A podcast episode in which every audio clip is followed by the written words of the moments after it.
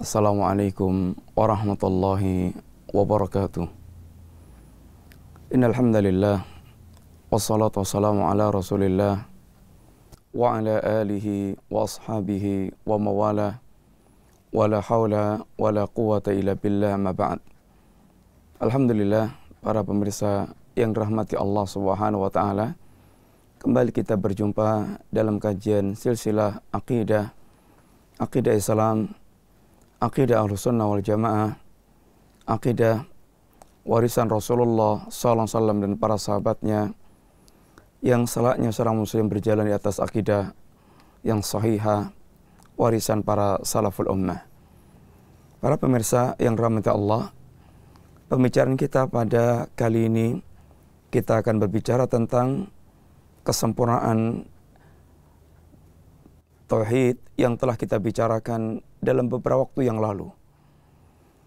Sebagaimana telah kita sampaikan bahwa tauhid secara sempurna ketika seorang dia mentauhidkan Allah di dalam hal rububiyah atau yang berkaitan dengan segala perbuatan-perbuatan Allah Subhanahu wa taala kemudian mentauhidkan Allah dalam hal uluhiyah ini persembahan total penghambaan kepada Allah Subhanahu wa taala bahwa Allah adalah satu-satunya zat yang berhak untuk disembah. Kemudian kelengkapan berikutnya adalah mentauhidkan Allah dalam hal al-asma wa sifat itu nama-nama Allah dan sifat-sifat Allah Subhanahu wa taala. Tidak akan dikatakan seorang dia mentauhidkan Allah kecuali dia menetapkan tauhid yang tiga ini. Sebagaimana telah kita sampaikan dulu insya Allah bahwa Rasulullah SAW tidak pernah menerangkan tauhid ada tiga. Pertama rububiyah, kedua uluhiyah, ketiga al-asma wa sifat. Akan tapi kenapa kemudian para ulama menyajikan tauhid dengan pembagian ketiga tersebut? Melihat kebutuhan. Kalau di zaman Rasulullah Sallallahu Alaihi Wasallam, ketika orang diajak mengucapkan tauhid la ilaha illallah dan ini inti tauhid yang disuruhkan semua para nabi dan para rasul dan yang disuruhkan Rasulullah Muhammad Sallallahu Alaihi Wasallam, semua para sahabat faham bahwa yang diinginkan dengan mentauhidkan Allah dengan la ilaha illallah terwujudnya tauhid yang sempurna masuk di dalamnya adalah rububiyah masuk di dalamnya adalah al-asma wa sifat sehingga sekaligus mereka telah mewujudkan tiga tauhid tersebut. Akan tapi dalam perkembangan seiring perkembangan kaum muslimin yang semakin meluas ke berbagai negeri dan semakin banyak syubhat kerancuan yang diembuskan muncul beberapa muncul fenomena di tengah-tengah kaum muslimin. Orang-orang yang mereka mulai tidak faham tentang masalah tauhid. Ibaratnya telah kita sampaikan dulu insyaallah kalau rumah itu satu kesatuan ada halaman rumah atau ada teras rumah kemudian ada yaitu rumah dalam. Kalau orang sudah masuk ke rumah yang dalam, otomatis telah melewati halaman, telah melewati teras, dan kemudian dia telah masuk di dalam rumah. Itulah ibaratnya tauhid yang telah ditegakkan oleh para sahabat Nabi Rasulullah alaihi jami'an. Mereka telah berada dalam rumah sehingga mereka telah melewati halaman rumah dan teras rumah. Adapun orang sekarang ini mereka menyangka telah mentauhidkan Allah Subhanahu wa taala yang sesungguhnya belum. Mereka baru masuk ke halaman rumah, dia telah bilang mengeklaim telah sampai ke rumah. Padahal baru di halaman rumah. Belum masuk ke dalam rumah. Ini seperti sebagian kita mereka baru meyakini Allah itu ada, Allah itu satu, tidak dua, mereka telah mengeklaim dia telah mentauhidkan Allah Subhanahu wa taala. Padahal bersama itu dia menyembah Nyoro Kidul, menyembah penunggu Gunung Merapi, dia pergi ke dukun, dia mempercayai kekuatan-kekuatan gaib yang kemudian dia memberikan persembahan-persembahan khusus dan semisalnya.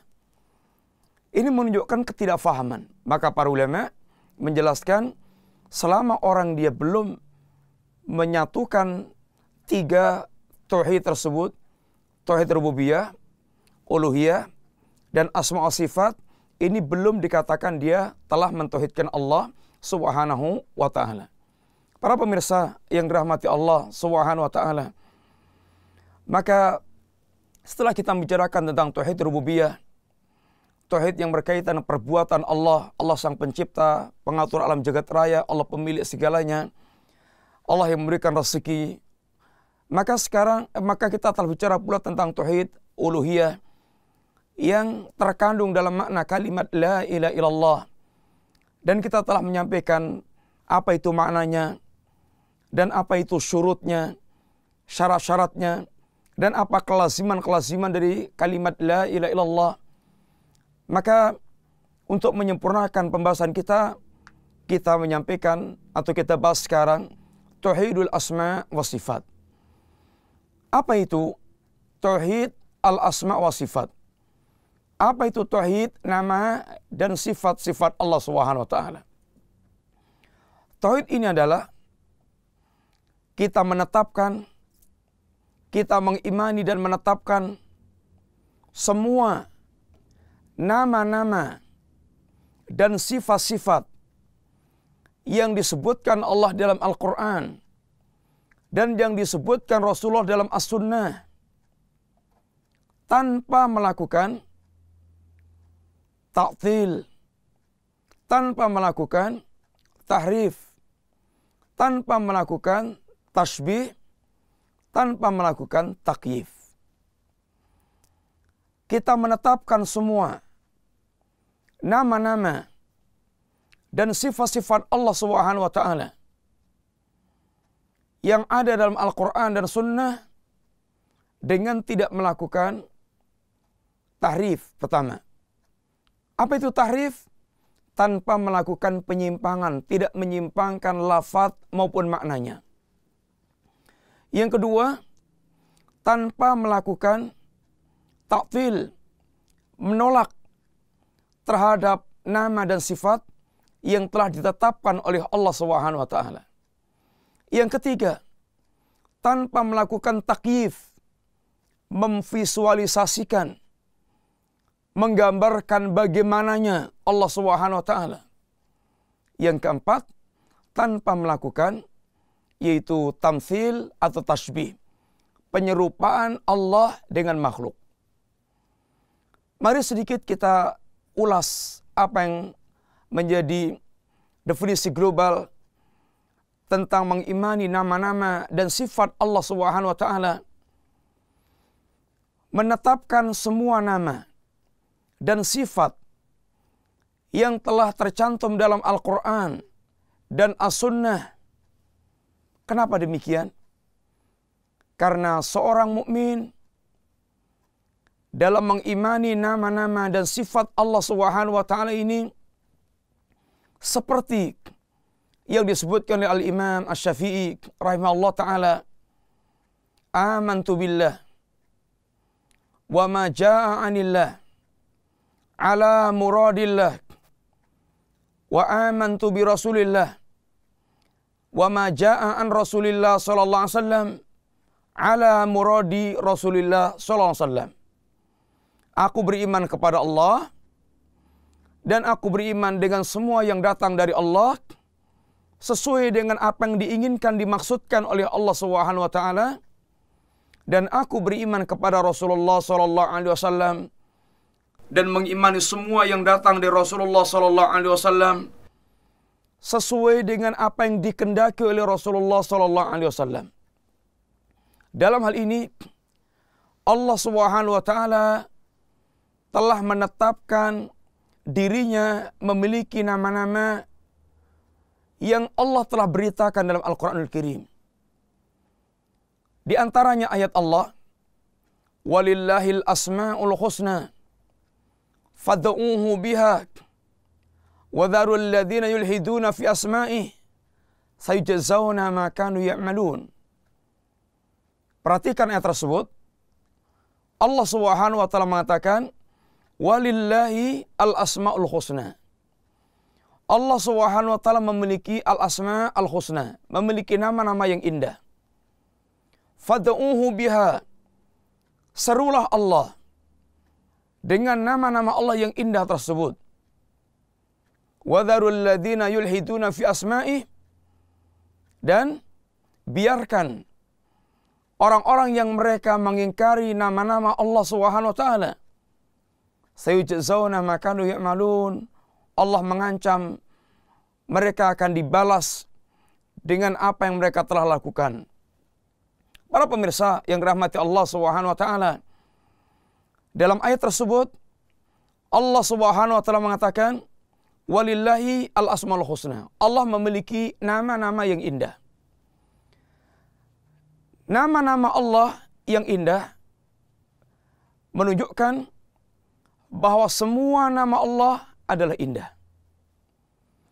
Nama-nama yang Allah terangkan tentang dirinya yang Allah memiliki nama Allah adalah nama Allah. Ar-Rahman nama Allah. Ar-Rahim adalah asma Allah. Al-Malik adalah asma Allah.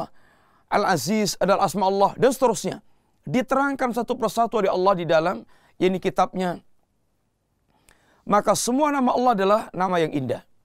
Sehingga kita tidak boleh memberikan nama untuk Allah apa yang Allah tidak memberikan nama untuk dirinya melalui kitabnya tersebut. Ini yang pertama. Yang kedua, bahwasanya nama Allah tadi tidak dikatakan husna kecuali karena setiap nama itu mengandung sifat.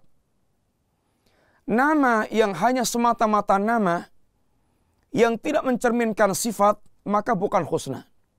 Satu contoh, orang namanya Rashid. Rashid ini artinya adalah orang yang lurus. Orang yang lurus. Orang yang akidahnya lurus, ibadahnya lurus, akhlaknya lurus, agamanya lurus. Ini kalau melihat namanya. Artinya Rashid. Atau namanya Rashid memiliki makna orang yang lurus. Tapi ternyata ada orang namanya Rashid tapi Masya Allah, orangnya itu murakbal. Akidahnya bengkok. Ibadahnya kacau balau. Akhlaknya rusak-rusakan. Tukang mendem, tukang ini madon. Tukang melakukan berbagai macam perbuatan yang rusak. Ini nama sekedar nama tidak mencerminkan sifat dia. Uh, seperti ini namanya bukan husna. Allah Subhanahu wa taala namanya husna. Artinya setiap nama Allah di dalamnya terkandung sifat. Kemudian tidak hanya mengandung sifat, tapi sifat yang menyertai dalam nama tersebut adalah sifat yang kamilah. Sifat yang sempurna. Sehingga tidak ada cacat, aib, kekurangan yang layak dinisbatkan kepada Allah Subhanahu wa taala dan Allah Subhanahu wa taala menerangkan dalam kitabnya Allah mensucikan dirinya dari semua kekurangan-kekurangan dari aib atau sesuatu yang akan mengurangi kesempurnaan Allah Subhanahu wa taala.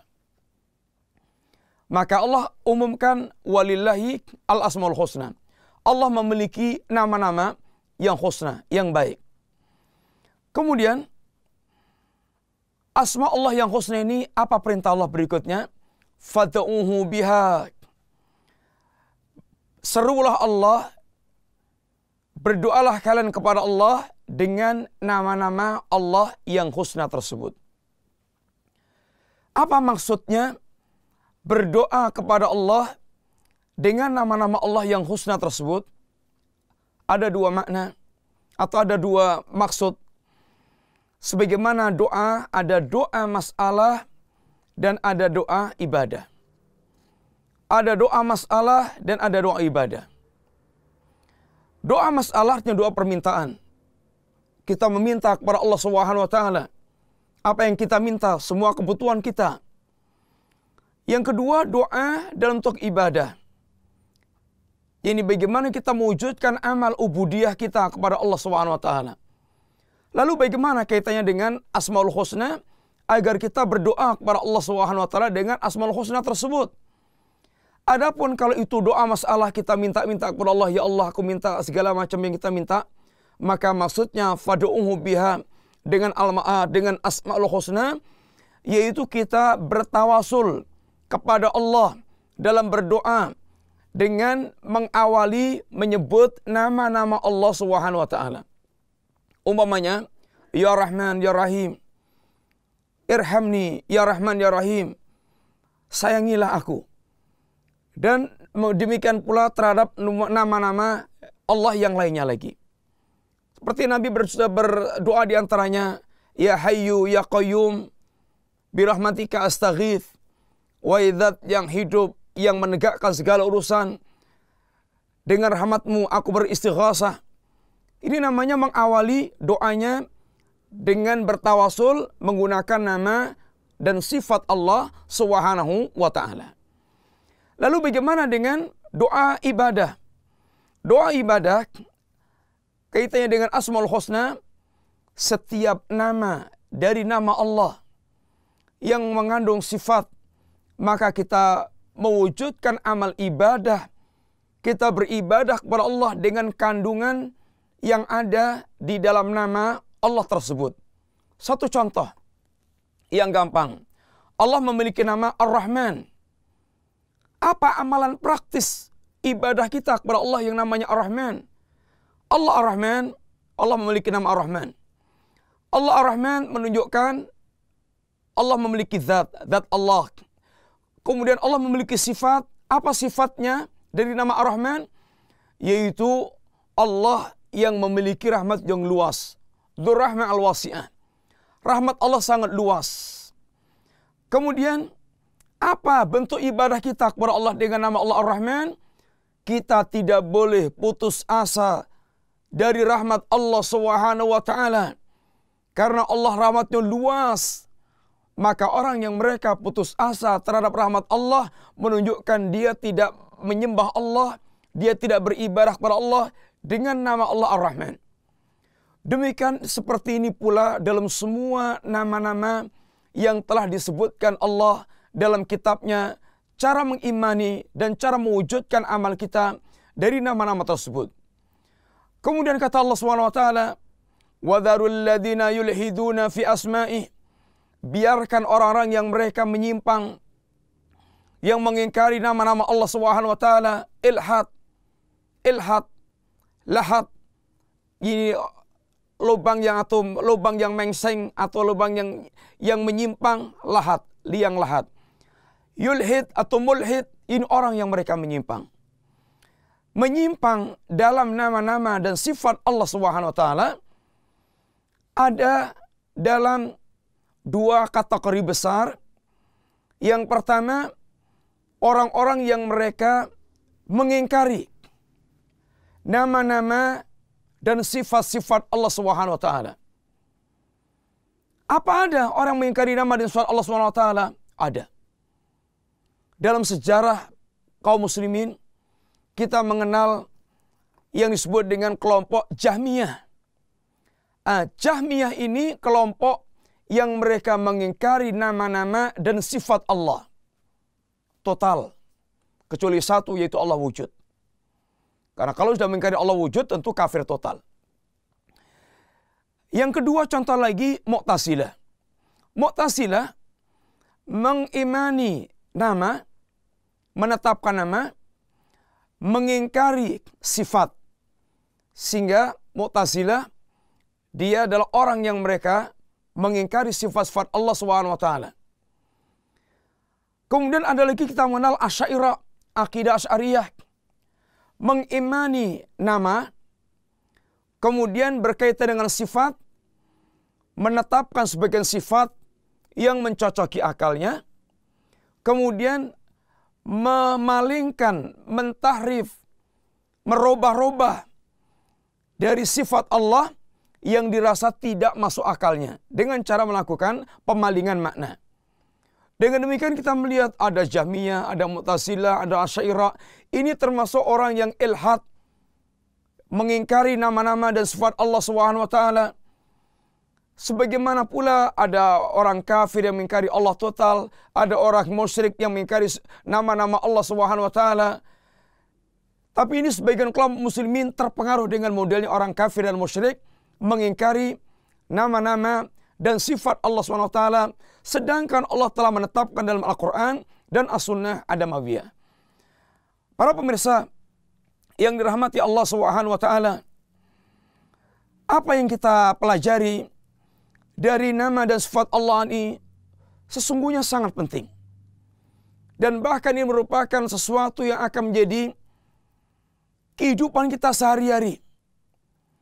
Salah ketika seorang dia menganggap bahwa belajar nama dan sifat Allah itu tidak butuh tidak tidak perlu karena hanya akan membingungkan saja karena hanya akan terjerumus di dalam kehidupan filsafat yang membuat pusing kepala oh tidak itu apabila keliru apabila kita keliru di dalam mengimani nama dan sifat Allah dengan menggunakan metode filsafat seperti orang-orang yang mereka telah terjerumus di dalam filsafat tersebut.